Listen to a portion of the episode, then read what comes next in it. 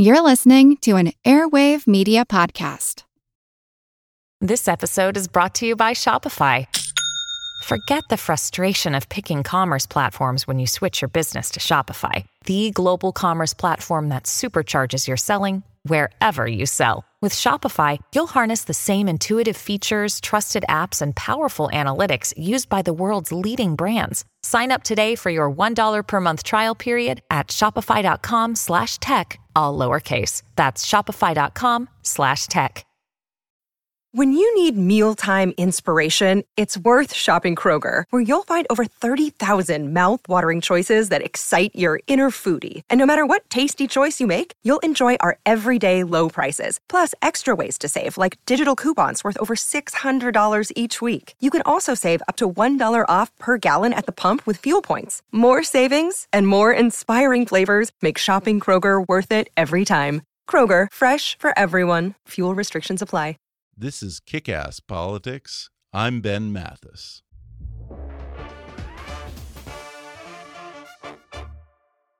You've got mail. Remember that sound? Long before Google or Amazon or Skype, those three little words were our first introduction to the whole idea of a World Wide Web. It was the brainchild of Steve Case, the co founder and former CEO of America Online. In the very earliest days of the Internet, he anticipated that many people might view the concept of communicating through a computer as, well, impersonal. So he decided to add a welcoming voice to greet users and let them know when they received an email.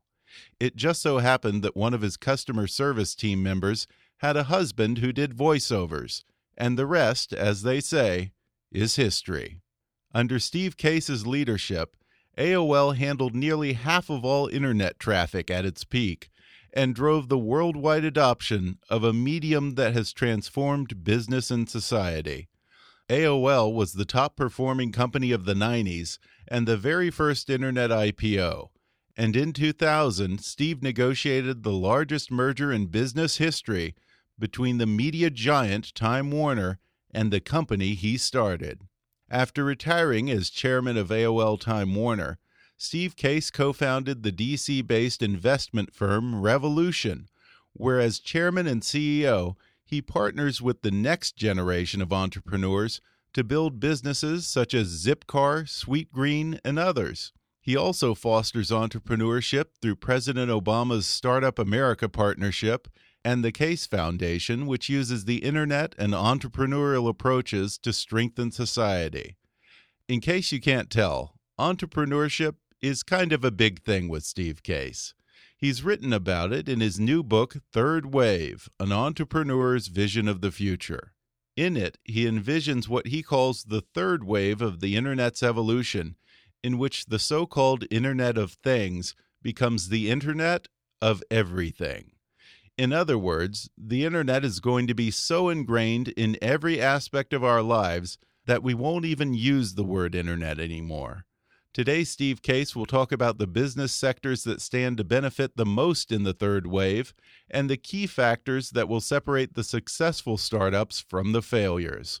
He'll explain why entrepreneurs in the third wave may have to accept that government will play a larger role in the next tech boom, and why disruptive industries won't necessarily spring up in Silicon Valley, but all over the country in places like Nashville, Detroit, and Kansas City. He'll reminisce about the early days of the internet and the lessons learned as he took AOL from an idea that no one even knew they wanted to the biggest merger in history. Coming up with Steve Case in just a moment.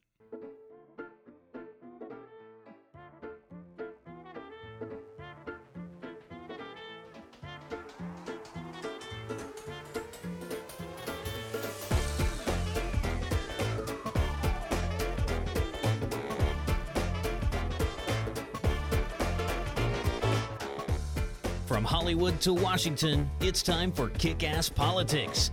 And now here's your host, Ben Mathis. I'm joined today by Steve Case. He's the co founder and former CEO of America Online and former chairman of AOL Time Warner. These days, he's chairman and CEO of Revolution, a venture capital firm that's funding the startups of what he calls the third wave of the internet. He talks about it in his new book, Third Wave An Entrepreneur's Vision of the Future. Steve Case, thanks for joining me. Great to be with you. Well, I enjoyed the book, and you didn't want to write just a regular old memoir. Right. And this is, as you say, part memoir, part manifesto, and part playbook for the future. The title is a nod to the futurist Alvin Toffler, who was the one who described kind of the three waves of societal evolution the agrarian economy, then the industrial revolution, and then he described the third wave, which was going to be the age of technology that Right. we're in right now. Now, you apply this term to the internet. So, explain what are the three phases or waves of the internet? Sure, but first I, I should say I read that Alvin Toffler book, The Third Wave, when I was a senior in college in 1980. I was completely mesmerized by it. It really kind of he talked about what we now think of as the internet, but but 36 years ago when he when that book came out, it was still very futuristic, uh, and the notion of an electronic cottage and new ways to connect to people and access information. I just thought his vision was very compelling. So that's that's really the path I've been on for nearly four decades now. Uh, after after reading that book, so I when I decided to finally write a book, uh, I decided to kind of you know give a nod to Toffler for inspiring me and uh, open the book with sort of that, that the stories of how that that uh, you know that how impactful that book was for me. Uh, as you say, the Toffler view of the three waves was sort of the agriculture revolution, then the industrial revolution, then the technology revolution. You know, my my focus of the the three waves is more internet centric, and really the first wave of the internet was building the infrastructure. Uh, getting everybody connected. The second wave was building apps and services on top of the internet, and the third wave, which is really just beginning, uh, is integrating the internet in more seamless and pervasive ways throughout throughout our lives. Uh, and the reason I decided to finally write a book, people have talked to me over the years about wanting to write something about this or something about that, is I realized that the third wave that's just beginning to develop is going to be quite different than the second wave, uh, but actually somewhat similar to some of the dynamics in the first wave. And that really led me to be able to write a book that's mostly about the future, but does tell some of the you know the stories of uh, of those early days of, of, of the internet. It seems crazy now, but when we started AOL, it was, it was 31 years ago in 1985. Yeah. Only three percent of people were online, and they're only online one hour a week. So it was pretty early days, and we said we wanted to get America online, get the world online. You know, that, it took a while. It took us really a decade, but that's really defined not just AOL, but but Cisco and and um, Microsoft and IBM and, and many other companies were all Sun were part of that kind of first wave, uh, building the software, building the networks, building the servers, essentially building the foundation building the on ramps, and then educating people why they should you know should get connected. That really was sort of the consumer internet, sort of 1985 to 2000. That was sort of the, the, Yeah. key, and that then set the stage for this app economy we've seen in the second wave: Twitter and Facebook and Waze and Snapchat, mostly apps uh, that have been riding on top of the internet. Uh, and that's had a profound impact on our, our lives as well. Uh, but third wave really is is the next big leap, and it's going to change how we think about healthcare and education and energy and transportation, food, some big sectors of our economy, and frankly, important aspects of our lives. So that's that's what led me to write the book. And as you said, it's a it's a little bit of a memoir, uh, but also a little bit of a manifesto, and also a little bit of a playbook in terms of how people can think about the future. You know, I can still remember when I was growing up, AOL being the only game going. Yeah, and you talk we- we about like that. pe- like that. Millennials don't even realize that there was a time when the internet was AOL, Right. For all practical purposes. No, it, it, particularly particularly in the uh, the nineties, uh, you know, mid mid to late nineties, uh, about half of all the internet traffic in the United States went through AOL, and it was a mix of of services, some that were unique and exclusive to AOL, but also an on ramp to the full full internet. So we used to talk about it being the internet and a whole lot more. And we talked about it being you know, so easy to use. No wonder it's number one. Those were some of the you know the taglines uh, we had, and it, yeah, the AOL really did play an important role in, in in educating people about the internet and and connecting people you know to the internet and. A lot of the features that we launched now 25, 30 years ago, like instant messaging and buddy lists, things like that, are now pretty significant parts of people's lives uh, across a whole variety of, of services and and devices. We've gone from being mostly about the PC in the first wave to mostly about phones in the in the second wave. But the services, particularly those communications features, what we call uh, community services, now we think of them more as social you know, f- uh, services, uh, have always been a pretty fundamental part of the medium. Yeah, and it's funny because throughout the first part of the book, much of it feels like I'm watching the the second season of *Halt and Catch Fire*, and you know because you see how you were evolving, and no one had ever done this, and Right. you guys trying to convince people that there was actually a market for communicating over Sure. the internet, and along the road to AOL, you experienced some bumps along the way with previous ventures that would eventually lead to AOL. And I think there are some instructive moments in there about being flexible and agile and being able to pivot Right. and adjust to changing situations. Talk about that as it might be useful in the third wave. No, I think that's true. I, I, we learned a lot in that in that first wave. That that's you know sometimes revolutions happen in evolutionary ways, and and you can you have to keep your eye on the prize, you kind of your eye on what you're trying to accomplish. In our case, just trying to you know, make the internet part of everyday life, uh, but be more flexible and nimble, and as you say, agile in terms of how you pursue that because sometimes things you think are going to work aren't going to work. Sometimes partnerships you think are going to be transformative end up blowing up, and, and you're not able to you know kind of capitalize on them. So we had a punch of that. The first uh, venture I joined uh, when I moved to the Washington D.C. area in, in 1983, it seemed like a good idea, but failed, and and so it looked like a kind of disaster. But two of the people I met there, you know, Marc Seriff and Jim Kimsey, I ended up starting AOL two years later in 1985. So out of that kind of disaster, you know, came something you know better. And it took us, you know, really better part of a decade to for, to take the idea of AOL and turn it into a significant business. And there are a lot of kind of fits and starts, kind of two steps forward, one step back. And I talk obviously about some of those in, in, in the book, I, but I think that is a, a lesson for entrepreneurs as they think about the, you know, the third wave. The, the first wave was hard because you had to get all these partnerships together. You had to, you know, pull all the pieces together. You had to get modems built into PCs. You had to get communications costs reduced because when we first started, it was about ten dollars an hour to get connected. Uh, are a lot of different challenges. You just had to kind of whack away at those challenges, and eventually, you know, things started getting traction. I think in the third wave, it's going to be similar. It, it's, it's going to be hard to revolutionize healthcare. It's complicated. It's going to be hard to change how classroom learning happens. It, it, it, it's complicated. And the other sectors, energy, food, so forth, these are complicated things. They're going to take some time. And, and, and so some of that, those lessons around perseverance that we, we uh, learned kind of the hard way, I guess, in the first wave, uh, are- I think are going to become important for innovators who are, are thinking about taking on some of these challenges in the third wave. Yeah, and I have to imagine that it was probably very hard for you when you've put so much energy into one game plan to then go in a completely different direction and to recognize that that Like, that you you got to cut your losses and Yeah. you know and there's opportunity there there's opportunity and defeat in one area might present an opportunity elsewhere what was it that's that aha moment for you when you were young and starting out where you would realize okay you know take a breath step back Well, I, I do. I do here. think that it goes back to that reading of the Toffler book uh, when I was in college. I think that that kind of set a, a, a path for me, kind of set a you know something to aim for. The idea of trying to get everybody online, trying to create this digital world, trying to make the internet part of everyday life, really was what was driving me, and I just kind of kept at it, and and uh, didn't view challenges as kind of permanent setbacks, but simply kind of barriers to you know work through. And and and our team you know, had the similar kind of you know, perspective. They you know, they really believed in the idea and just recognized. You know, you, you know, just kind of kind of keep going. You just, you know, it, it just, you just sometimes the things you think are going to work just don't work. And but you, if you give up, then you're not going to have the opportunity to change the world. It, it requires, you know, kind of uh, perseverance, and you know, I, I, the, the evidence that the people who actually did get connected, who were part of, yeah, well, they loved it, and you know, so we we we, we realized if we could figure out a way to make it easier to use and more useful and more fun and more affordable, uh, that eventually we could break through. You know, but it was going to take some uh, uh, some some time.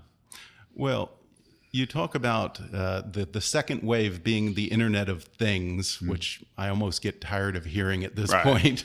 You say that if the second wave was the Internet of Things, then the third wave is going to be the Internet of Everything, to Right. the point that we probably won't even say the word Internet. Right. It'll just be ingrained. It'll be in everything. What are the sectors that you see as being transformed in the third wave of the Internet? Well, pretty much everything. If you think about the first and second wave, it's amazing how much progress we've made in, in taking the idea of the internet and making it part of everyday life. Uh, and it's changed in pretty profound ways certain aspects of our lives. It really disrupted in big ways the communications industry, the media industry, things like that. Uh, but I would argue that most of the things that we care most about in our lives, like how do we stay healthy, or, or how do we educate our kids, or how do we, you know, kind of be smart about moving around cities in terms of transportation systems, smart cities, things like that. Uh, how do we think about you know, interesting new ways within the financial sector to reach out to people who are unbanked and don't really have access to you know credit and things like that? There's a lot of things that are actually pretty pretty important that haven't changed that much in the first wave. Or or second wave. I think they're going to change a lot in the third wave. But the, again, the reason I wrote, wrote the book was I think it's going to require a different different mindset and a different playbook. The second wave, to a large extent, was about software. It was about apps. Uh, and the big successes, you know, figure out a way, whether again be Instagram or Snapchat or you name it, to create an interesting app that got virally adopted and and then suddenly went from a little idea to a big company virtually overnight. Uh, in the in the third wave, it's going to of course the software is going to be, be important. Of course the internet is going to be important, but it's how it gets connected with the, the, rest of our lives. How do you actually take that and make it useful so teachers use it in classrooms? How do you figure out better ways for doctors to help us with chronic diseases or, or life threatening diseases with more kind of precision, you know, kind of medicine? These are hard problems, and it's going to require uh, this different uh, mindset and a different uh, playbook and perseverance uh, is going to be part of it. You know, partnerships are going to be part of it. You know, having strategic partners, I think, are going to be critical, and policy is going to be you know, you know part of it. You know, these are regulated sectors, and understanding that and figuring out a way to be constructive around you know, engaging with governments uh, around some of these issues are going to be uh, important as well. So I think there's a lot of opportunity for innovation. Uh, and much of that will come from the small companies, the startups. Some of it's going to come from the big companies. I think they have assets that they can leverage in the third wave uh, if they're nimble, if they're agile, and if they figure out a way to not just innovate within their company, but innovate around their company, kind of build a network around their company, including partnering with the with the entrepreneurs. So that's why I think it's just a different mindset in this third wave. Yeah, and one of the things that you talk about being key is speed, right? And always looking in the rearview mirror for who's coming up behind you. And it seems like we're almost at a point of hyper speed. You know, right. in, the, in the days of Coca Cola, you would have a good amount of lead right. time and you would be aware of your enemies coming up behind you. But nowadays, it seems like the next competitor could come out of nowhere and it could be in a matter of a couple of months. Yeah, so, I think I think that's true. And you saw some really interesting things in, in the second wave. For example, uh, Airbnb is now the largest hospitality provider right. in, in, in, the world. They didn't exist yeah. 10 years ago, uh, and they don't even own any hotel rooms. That's kind of weird. Uber is now the largest transportation company. They own cars. Amazon's the largest retailer. They actually don't have stores. Facebook's the largest media company. They actually don't create content. So it's really interesting and, to see how this has played out over the this last decade in the second wave, and it's going to be similar in the in the, in the third wave. Is there big opportunities for uh, for change, but it's going to require a bit more more of this you know, mindset. Some of the things though are going to take longer. It's actually going to mm-hmm. you know, take longer to, to, to, and require more perseverance to be successful because of the systems challenges that some of these sectors have, like yeah. healthcare or or the school system. It's not just about dropping the app in the app store. It's much more complicated. Uh, so real will require more you know patience and perseverance. But that's not to say that the big incumbents can't get complacent because they might get uh, surprised. A decade ago, Apple wasn't in the music business. Now they're the leader. You know, yeah. Google wasn't in the phone business. Now they're a leader. So these these these things can can can come out of nowhere and surprise you. And one of the examples that you bring up in here that I think is instructive for the third wave is you talk about uh, a point where AOL kind of pulled a fast one on your competitor Prodigy. Right. And took a lot of their customers, and it was about a year before they even knew what was happening. Uh, talk about what you did there. Well, Prodigy was a was a service uh, launched, I guess, 20, 25 years ago as a partnership. That's right. For IBM. anyone who doesn't yeah, exactly. IBM and Sears. Yeah, funny that we have to tell people. Prodigy? What's a Prodigy? uh, but uh, it was uh, IBM and Sears, two great American companies, basically uh, did a joint venture to try to be the leader in the consumer internet. Uh, launched a service called Prodigy. Spent one billion dollars to, to, to launch it. It's incredible. Um, and we were a little, little, company. We had raised one million dollars in our first round of financing. So it was uh, we, we, we, knew we couldn't kind of win in any kind of head-to-head combat. So we had to be clever and kind of have a more of a you know kind of guerrilla tactics. And uh, one of them was uh, Prodigy decided to sell essentially sponsored email, which is, you know, people, this before you know, things like that became popular. They basically said, we need to generate some additional revenue. We're going to sell you know, email access to our customers. And, and, so we approached some salesperson at Prodigy and said, we'd like to buy some, you know, some of those emails to basically promote AOL to the Prodigy customers. And, and they, because they were eager, that particularly sales executives eager to, did you, you, approach quota. them as AOL, Yeah. or was there a shell company or No, something? no, we approached them as Really? AOL, you but we pos- as AOL No, we, instead. we positioned it as you know we were more a complementary service. They were focused Ah, on things okay. like commerce. Uh, we were focused on things like community, and so we said, you know, your customers would also be interested in some of our features. Now they realized after about a year that a that some of the things we're offering are pretty popular, and they needed to offer them as well. And, and b it was kind of dumb for them to spend all that money marketing. They spent hundreds of millions of dollars marketing, and we spent a few million dollars kind of kind of stealing away some of their their their, their best customers. So we knew it wouldn't last forever, but it lasted for a year, and I think it was a reminder to me that sometimes large companies uh, because they're they're they're so vast, just aren't aren't as thinking about the future, aren't quite as agile, aren't quite as you know uh, flexible, and sometimes little companies can kind of take advantage of that. Yeah, the, the, there is a little bit of a David and Goliath aspect to it, and the the Goliath you know nature of some of this is a little scary because these are big, powerful companies, uh, but they're also you know like in the David and Goliath story, their weakness is you know comes their their strength, which is their bulk, and sometimes that can be used against them, and that was a case where we were able to capitalize on on you know Prodigy being this giant company and not really paying attention to what we were doing off on off on the side, and frankly until it was too late, and we quickly were bigger than they were, and after a few more years, they basically went out of business. Yeah, and it's interesting that you bring that up because you say that the third wave will not necessarily be the exclusive domain of startups. By its very nature, the third wave lends itself to legacy companies like, say, Kraft or Ford, if they're smart enough and fast enough to take advantage of it. What are some of the factors that will separate the big lumbering dinosaurs from the companies that are able to evolve and thrive in the third wave? Well, the key is really having leadership that's leaning into the future, thinking about the future. As companies get larger, they tend to to shift from kind of being these attackers, these disruptors, these innovators, to being more of the defenders, the protectors. They're really more focused on managing what's there as opposed to maximizing what might be possible. And of course, they'd rather grow faster as opposed to slower, but they mostly want to protect what they what they have. It's sort of in uh, sports. There's a concept of when you have a lead, you're going to like the protect defense, and, uh, and big mm-hmm. companies tend to kind of be executing that protect defense. And sometimes that works, but sometimes it doesn't work. And sometimes you need to be more focused on, on where things are going and, and do it with more agility and more urgency. A great example I mentioned in the book is the story of Eastman Kodak. It's, you know, when I was a kid, it was, Kodak was one of the great American companies, really iconic, really owned photography. You thought of photography, you thought of Kodak. Um, and they eventually, you know, eventually went bankrupt. And the reason they went bankrupt is because of digital photography, not, not surprisingly. Uh, but what's surprising is that Kodak engineers actually invented digital photography. It was their idea, Right. but they, the leadership, didn't you know focus on it enough, didn't invest in it enough.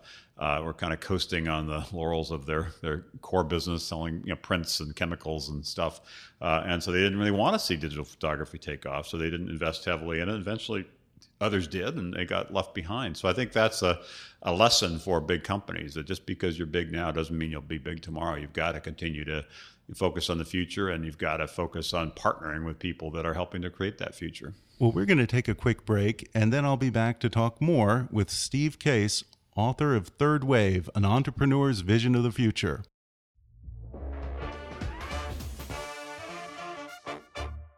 If you're interested in my conversation with Steve Case, then you'll enjoy his new book, The Third Wave An Entrepreneur's Vision of the Future. And right now, you can download the audio version of this book for free with a special promotion just for our listeners from audible.com. Just go to audibletrial.com backslash kickasspolitics for a free 30-day trial and a free audiobook download, which can be The Third Wave by my guest today, Steve Case, or any of Audible's 180,000 titles. That's audibletrial.com backslash kickasspolitics. or click on the sponsor link on our webpage to download the free audiobook of your choice. And now, back to the show. We're back, and I'm talking with Steve Case, the author of Third Wave An Entrepreneur's Vision of the Future. Well, let's talk about some of the advice that you give to startups who want to take advantage of this internet of everything in the third wave. You refer to three P's that are the keys to success in the third wave partnership, policy, and perseverance. Um, first of all, let's talk about partnership. You say it's key because most third wave industries have gatekeepers. What kind of partnerships should startups be looking for in that kind of environment? Well, it depends obviously what sector you're focused on. But Right. if you take healthcare uh, as, a, as an example, uh, if you really want to revolutionize healthcare, you kind of have to work with doctors. You kind of have to work with hospitals. You kind of have to work with the health plans. Uh, and so it's not just about an app you create, it's how you partner with the people that are really on the ground delivering healthcare services, paying for healthcare services. Uh, and that makes it more challenging. You know, frankly, it's hard hard to break into a hospital, hard to get them to adopt your your, your technology. Uh, but I think that's what's going to be required to really have a significant impact and build a, a significant business. Similarly, there's a lot of companies working on different devices and sensors, with you know, so these Internet of Things or you know, Internet of Everything concept.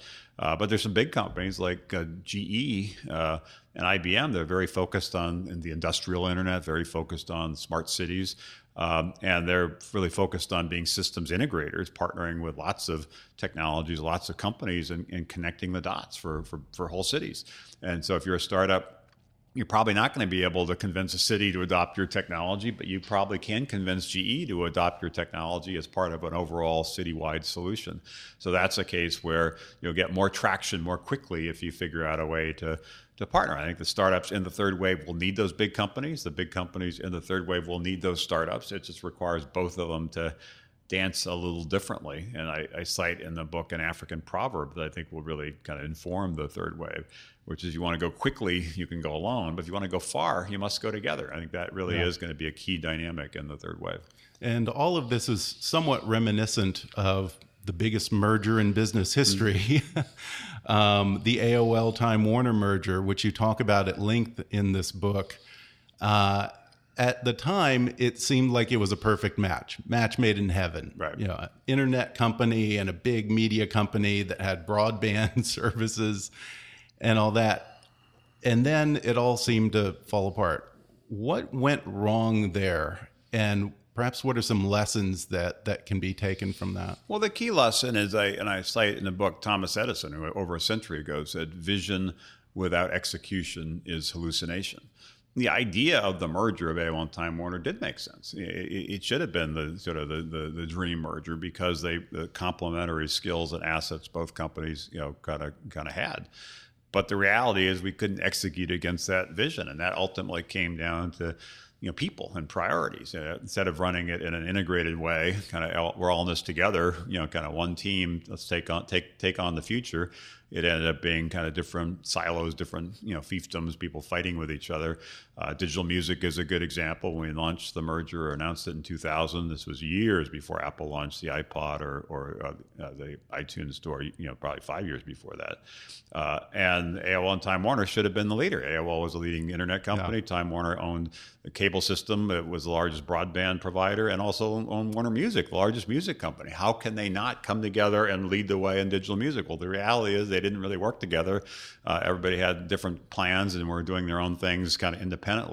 And so, what could have been a great opportunity to lead the way in digital music, or lead the way in digital video, or lead the way in many other sectors, you know, ended up being a kind of missed opportunity. So, the lesson for me, which is uh, I obviously discussed in the book, is it, it ultimately is is about people. It's ultimately about you know culture. If you have the right team working together in the right way, I think anything is possible. If you don't, nothing's possible. And we learned that sadly with the with that merger.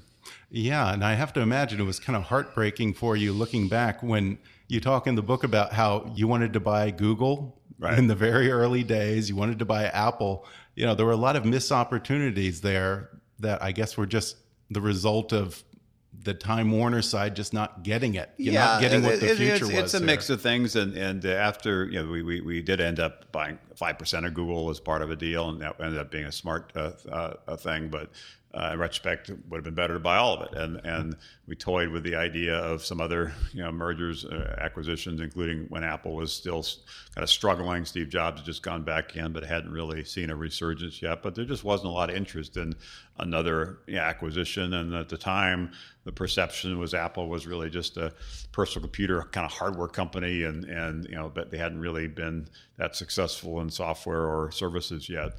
Uh, and so I, I, think there are a lot of missed opportunities. And again, that's it's uh, it's disappointing for me. I think it's disappointing for everybody involved with AOL and, and Time Warner. But hopefully, the, some of the lessons you know learned from that, which I try to yeah. describe in the book, will be helpful to the next you know, generation of innovators, whether they be the small companies or the large companies, trying to figure out how to kind of uh, embrace the future.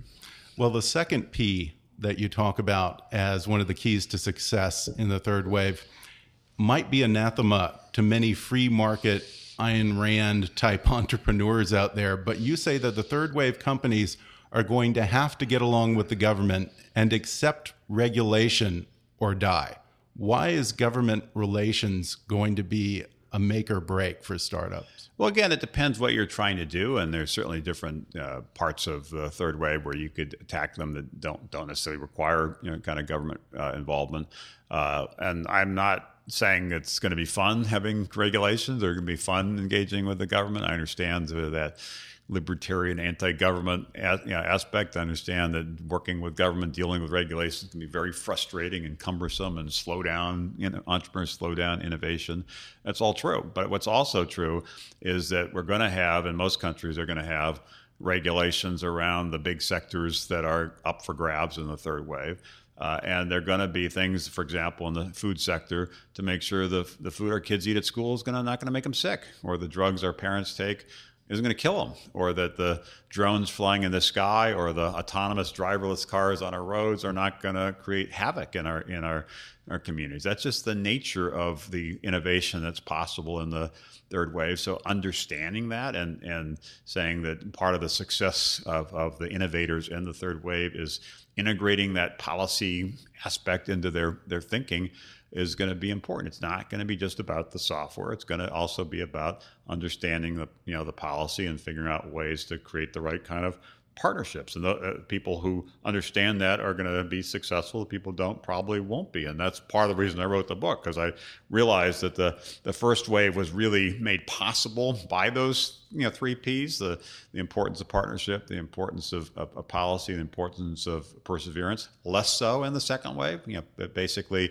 because it was mostly about apps. There were overnight successes. The government generally wasn't in, involved with the you know with things like Facebook and right. and, and, Twitter and, and, and so forth. You know, it was a different playbook, and the playbook in the third wave is going to change.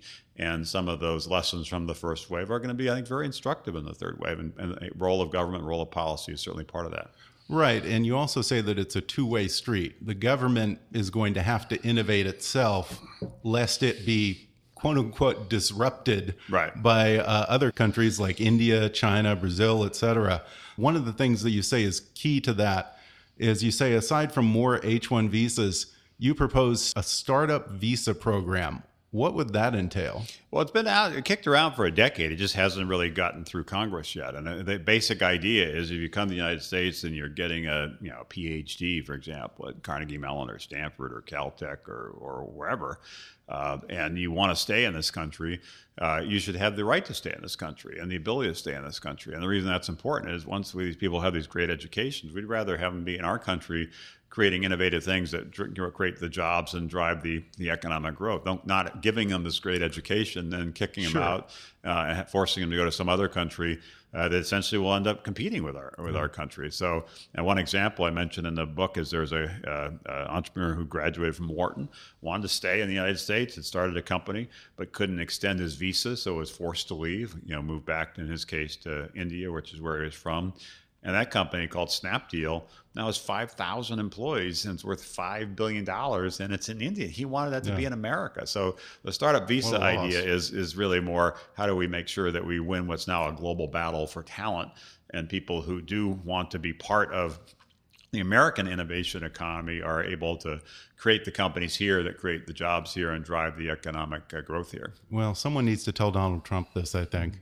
Well, I, I kind of stay out of the politics side, but I do recognize immigration is super complicated and super emotional. There are many, many facets to it. But in this particular instance, once we get through the presidential election, whoever is in the White House come come January, I hope they do put these issues around making sure we remain the most innovative, you know, entrepreneurial nation first and foremost. And immigration is one part that needs that needs uh, attention. Well, yeah, and you also say that politicians need to distinguish between small businesses and startups. Why is that distinction so important? Well, I think that folks in uh, in government, whether it's um, Sacramento or Washington D.C. or Brussels or, or what have you, generally have this view that business is sort of monolithic. It's sort of like this the marketplace. Uh, and the reality is, there's three different aspects of the, of the business world. They all function a different. They all have different priorities. One are the small businesses that are that are basically the, the the, restaurants and dry cleaners, sort of the main street businesses, which actually are very important and in aggregate account for a lot of jobs, but don't account for a lot of net job growth. One restaurant mm-hmm. might open, another restaurant might might close, but net net it doesn't generate a lot of jobs. Some of the big companies, the Fortune 500 companies, don't generate a lot of net jobs. Some are growing, some are declining. As a group, it's relatively static the data in the Kauffman Foundation tracks it says all the real job growth is coming from these young high growth startups.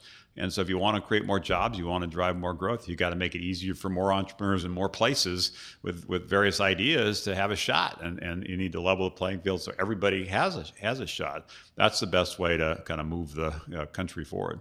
Yeah, and politicians, they love to talk about small businesses. That's kind of one of those buzzwords right. that they love to throw into speeches, but you don't hear them talking about startups and innovation quite as much. No, it needs more attention. Even the presidential debates on both sides this year, there've been you know hundreds of dozens of debates, hundreds of questions. Very few are these issues around innovation and entrepreneurship. I think that's uh, disappointing. Hopefully, that will change as we head to November. Yeah. Well, before we go, let's talk about that last P, perseverance. AOL would not have been born into existence were it not for you and your team's perseverance. What do you have to say to those ambitious young people, those millennials who are getting ready to start up a, a, a business of their own in the third wave here? Well, obviously, anybody wants to create any business and, and do something entrepreneurial. I, I, I celebrate, I, I support. But I hope the next wave of entrepreneurs really are focused on important aspects of our lives, things we've talked about in the, in the, the opportunities in the third wave, like improving education, improving healthcare, energy, or transportation or food, and recognize there are going to be harder problems to solve. They are going to require more perseverance. They're going to require more partnerships. They're going to require more engagement in, in policy, but they're important. They're important you know, challenges to, to, to address. And I, I, hope they bring a, a, a, a perspective while they're trying to build a company that's profitable. That's also a company that has impact, that has purpose, what some people call impact investing. I think that aspect's important. And hopefully, we'll also figure out a way to level the playing field so everybody with ideas has has a shot, irrespective of where they happen to live or their what their, their backgrounds are. Uh, and having a more inclusive approach to entrepreneurship uh, is, is, is important. Uh, but if you if you're going to attack a big problem, you, you, it, it's a you know, you're going to have to persevere. It's it's likely yeah. not going to be an overnight success, and that was certainly the lesson for us with AOL. It was yeah. it took us really ten years before we finally you know, broke through, and we stuck with it, and eventually things kind of moved in in the right direction, and we were able to become you know the best performing stock of the 1990s. We went from a market value when we went public in 1992 to, of 70 million dollars to 160 billion dollars eight years later. So that proves wow. that if you stick with it, uh, eventually things can really take off, and eventually you can build a significant, valuable you know, enterprise that also improves the you know the world. That was my lesson from AOL. That was my lesson for the in the first wave, and hopefully this book, the third wave, will help inspire the next generation of entrepreneurs to take on the next big problems in yeah. in, in society and create the next big iconic companies uh, that that really can can. Uh, can change the world, but they're going to only be successful, in my opinion, if they, they really embrace those those three P's around uh, partnership and policy and perseverance. And you don't have to necessarily go to Silicon Valley anymore. You do not. You do not. That's a whole chapter called uh, "Rise the Rest." Regional entrepreneurship is really going to take off in the in the third wave. So if you want to be in California, New York, or Massachusetts, good for you. But if you want to be in some other part of the country, indeed some other part of the world, you're going to see much more innovation uh, in those places in the third wave. Good deal. Well, the book again is called Third Wave An Entrepreneur's Vision of the Future by Steve Case. Steve, thanks for joining me. Thank you. It was a lot of fun. Thanks again to Steve Case for coming on the show. You can follow him on Twitter at, at Steve Case and learn more about some of the exciting new startups he's funding at revolution.com, as well as some of the philanthropic work and impact investing he does at casefoundation.org. If you enjoyed today's episode, I'd encourage you to read his new book, The Third Wave An Entrepreneur's Vision of the Future. I'll include an Amazon link where you can order it in the show notes for this episode and on our website at kickasspolitics.com.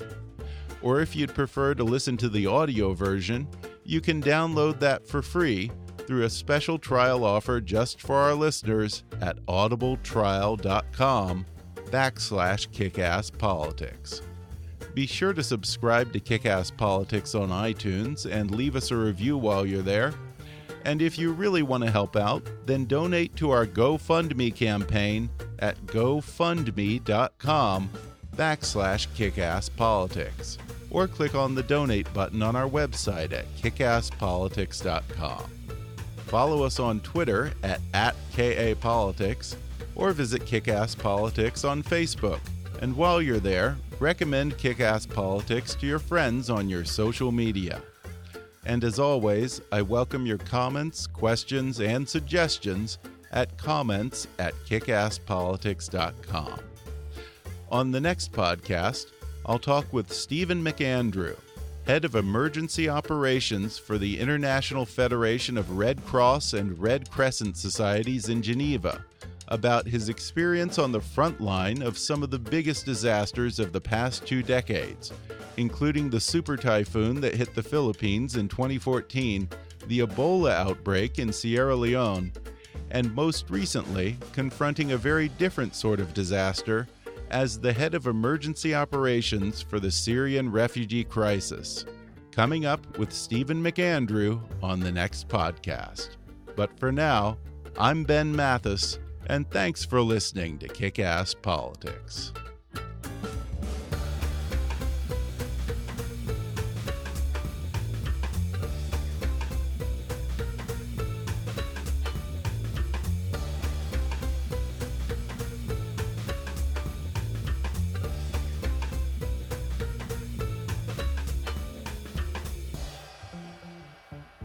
Kick Ass Politics is a trademark of Mathis Entertainment, Inc.